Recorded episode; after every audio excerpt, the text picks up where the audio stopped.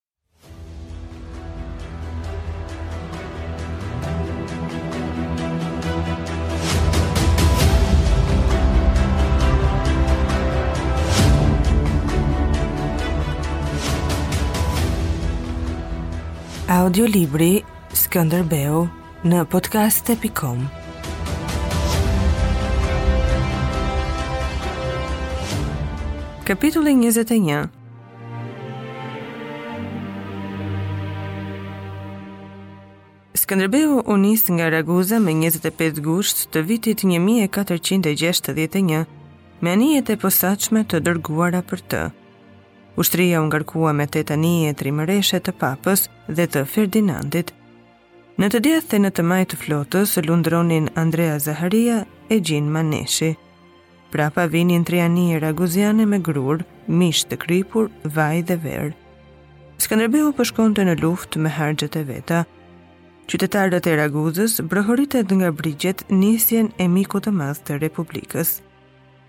Udhëtimi do të zgjaste dy ditë e një natë dhe përmbante disa rreziqe. Nganjëherë stuhitë i çonin anijet në ishujt e Jonit e në brigjet e Afrikës. Edhe zbarkimin në Itali mund ta pengonin anijet e Gjenovës dhe të mbretit të Francës. Kurse Skënderbeu nuk ishte i përgatitur për luftërat detare. Ditën e parë, deti ishte i qetë e vezullonjës, kurse në mbrëmje u ngrit një dallgëzim kërcënues. Zunë të hingëllinin kuajt. Skënderbeut i hipi një shqetësim që s'e kishte provuar më parë. Në mëngjes kur do hipnin në anije, ishte bërë një farë rrëmuje. Shumë nga ushtarët vinin këmbë në ujë për herë të parë dhe shikonin detin si diçka rrëshqitëse që mund t'i çonte në anën tjetër të dheut. Skënderbeu kishte vënë rregull me tellall e brirë. Ai nuk dinte se ç'po ndodhte me ushtarët tani që nisi stuhia. Kapitenët u morën vesh me drita dhe anijet u strehuan në ishujt dalmatë për tri ditë. Skënderbeu duhej të shpejtonte sepse kishte gjasë të mos gjente në Itali një breg ku të zbriste. Ferdinandi ishte ngushtuar në Napoli dhe në fortesën lindore në Pulje. Ai po humbiste mbretërinë. Kundër tij, ishin vënë pretendenti francez Rene d'Anzhuja, princi i Tarantit Orsini, Gjenerali më i famshëm i Italisë, Piccinino dhe princi i Ferrarës, Ercole d'Este. Në një mësymje tjetër, ata do ta përzinin bastardin e uzurpatorit. Lajmet e fundit thoshin se shoqja e tij, mbretëresha Izabel, lypte ndihma te porta e kishës së Pjetër Martinit. Në agimin e ditës së pestë, Skënderbeu pa kalanë e rrumbullakët të Barletës. Tashmë i sigurt se do të zbarkonte shëndoshë e mirë, dhe urdhëroi të zbrazeshin topat për hare. Ai nuk dinte se ç'e priste në tokë, dinte se aty gjendja ndryshonte nga njëra ditë në tjetrën. Vatikani dhe Dukati i Milanos i kishin shkuar në ndihmë Ferdinandit në Napoli që gjendej i rrethuar në Barletë. Malatesta, despoti i Riminit, Kishte shpallur se do të thërriste turkun në Itali se po shkelte aty Skënderbeu. Ky po shkonte me barkë drejt bregut, i bindur se do të ndryshonte fatin e luftës. Njeriu i parë që dalloi në tokë Skënderbeu ishte i nipi, Kojkoja, Kostandin Stres Balsha, që ndodhej aty prej një viti me 500 kalorës si pararojë e Skënderbeut. Kojkoja e vraponte gjatë bregut në kalë, Prapa tij hidhej mbi një kalë të madh një burrë i vogël, guvernatori i Barletës. Më në fund mund të jepej i sigurt lajmi i arritjes së Skënderbeut, i dhënë e i përgënjeshtruar disa herë në dy javët e fundit. Tani këtë lajm do ta jepte i pari guvernatori, që përpiqej të mos ndahej asnjë hap nga Kojkoja. Ky u hodh nga kali me gojën e shqyer prej gazit e përqafoi dajën dhe zuri ta puthte në zverk e në supe. Fare mirë, Kojko. Të lumtë, bir, tha Skënderbeu, duke i fërkuar kokën dhe shpatullat për ta qetësuar. Pak më tej, në krye të një grupi dinjitarësh, rrinte guvernatori në mëdyshje mbi atë që duhej të bënte. Cilët janë këta? Ku gjendet mbreti? pyeti Kojkon Skënderbeu. Është guvernatori, ngjitet si grerëz. u përgjigj ai. Guvernatori dhe dinjitarët me veshjet e shkëlqyera jetonin si në ethe çastin historik. Skënderbeu u dha dorën. Guvernatori tha se mbreti ndodhej në pritje në kështjellën e Tranit, 20 milje më lart. Sot do të pushojmë këtu. Nesër në mbrëmje do të jemi në oborrin e mbretit, tha Skënderbeu. Kojkoja pa se daja mbante krahëve mantelin e purpurt që kishte veshur jelekun e larë në ar dhe shallvaret e qëndisura. Shpatën, si dhe përkrenaren, i kishte të fshira e të ndritura.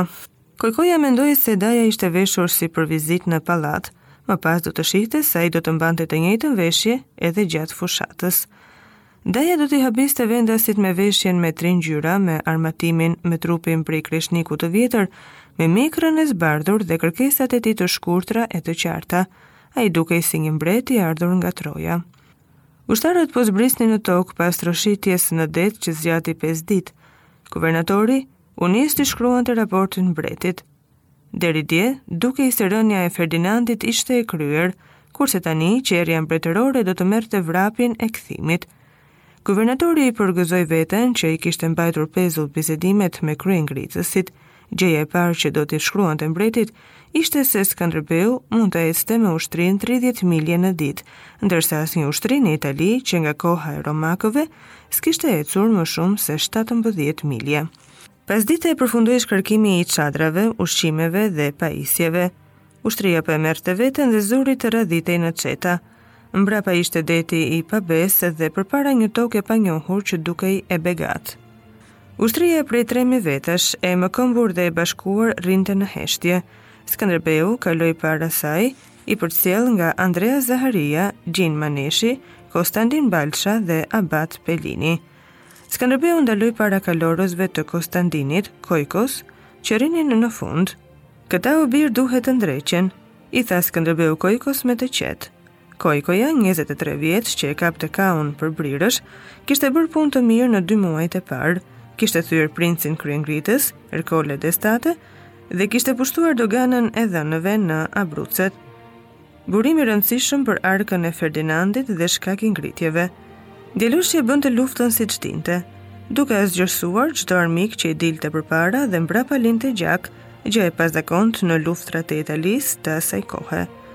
Po në krye të dy muajve kishte kuptuar se ndodhej në një mbretëri që po të merrte rrokullimën, askush nuk kujdesej për ushqimin e trupës së tij dhe as i jepte ndonjë shpërblim dhe meqë detyra e parë e ushtarit është të mos vdesë urie, kishte zënë të plaçkiste rreth e qark.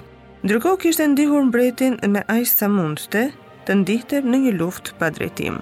Pesë çetat e Kojkos rrinin aty përpara pa rreshtim, të pjekura nga dielli, të egërsuara e me hare në zemër, për takimin me bashkatdhetarët pas një viti në tokë të huaj e në bredhje të pareshtur.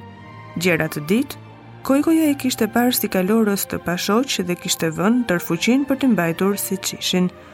Po tani e pushtoi një valë turpi, ai s'kishte veshje prej luftëtari, mbanin kuajt për freri ose për qafe, rrinin si t'ua kishte qejfi si një turmë qiraxhinjsh. Kurse ushtria që erdhi me dajën, mbante veshje dhe armatime pothuaj të njëjta, të mbërthyra në rripa dhe qëndronin pa lëvizur, ata i ngjanin njëri-tjetrit në çdo pikë, madje edhe kuajt. Kojkoja s'kishte parë ndonjëherë në atdhe një ushtri të tilë. Këtu jemi në vend të huaj, po ti s'ke faj, ne dirsëm në Kashar tërë verës për t'u gatitur, s'kishe si ta dije Kojko birë, le të afrohemi që t'i takojmë, tha Skënderbeu. Kojkoja fshiu djersët, e ç'na e punuat, or qenër, ama do t'jua shtrëngoj rripat sa t'ju dalin sytë. Pa keni rripa ju? po thoshte me vete. Koka e mjegulluar i rrihte aq sa zemra. Skënderbeu shikonte ndër sy së afërmi kalorësit dhe i fliste ndonjërit në emër, duke i thënë edhe lajme nga shtëpia. Ai ishte i kënaqur që shpëtoi nga rreziqet e detit dhe hodhi në tokë ushtrinë kurajo qe e pashoqe. Kalorësit qeshnin me zë të lartë. Kojkos po i shkrihej zemra dhe i falenderoi me mendje. Tani ata dukeshin prap trima e të pashëm si çdo ditë. Në të vërtetë, të gjithë ishin të zgjedhur dhe të pëlsisnin nga shëndeti. Ata kishin rendur pas tij në gjithë mbretërinë e Napolit, por ai i kishte ushqyer me mish e me verë, veçse nxinin si qymyrxhinj. Skënderbeu qëndroi para çetës së tretë të Kojkos. Hirësi, hajde këtu, tha Skënderbeu, duke u kthyer nga Pelini. Këta duhet të rrëfehen, zëri i tij përmbante shakanë. Abati u afrua dhe ndenji mbi kalë me duart në prehër. Shikoi rreth e qark, mbi kokat e çetave të Kojkos dhe priti të bëhej qetësi me rrudha të mbledhura në ballë. Ushtarët nuk lëvizën. E dinin se abati do të thoshte diçka argëtuese dhe pritën. Jo madhëri, këtyre duhet t'u bëhen tre ditë larje trupi dhe zorrëve, ndryshe nuk do të pranohen në rrëfim, tha ai. Kojkoja filloi të qeshte bashkë me të tjerët duke hapur gojën jashtë mase. I kishte nxjerrë rripat nga mendja, Dhe ishte njeriu më i lumtur.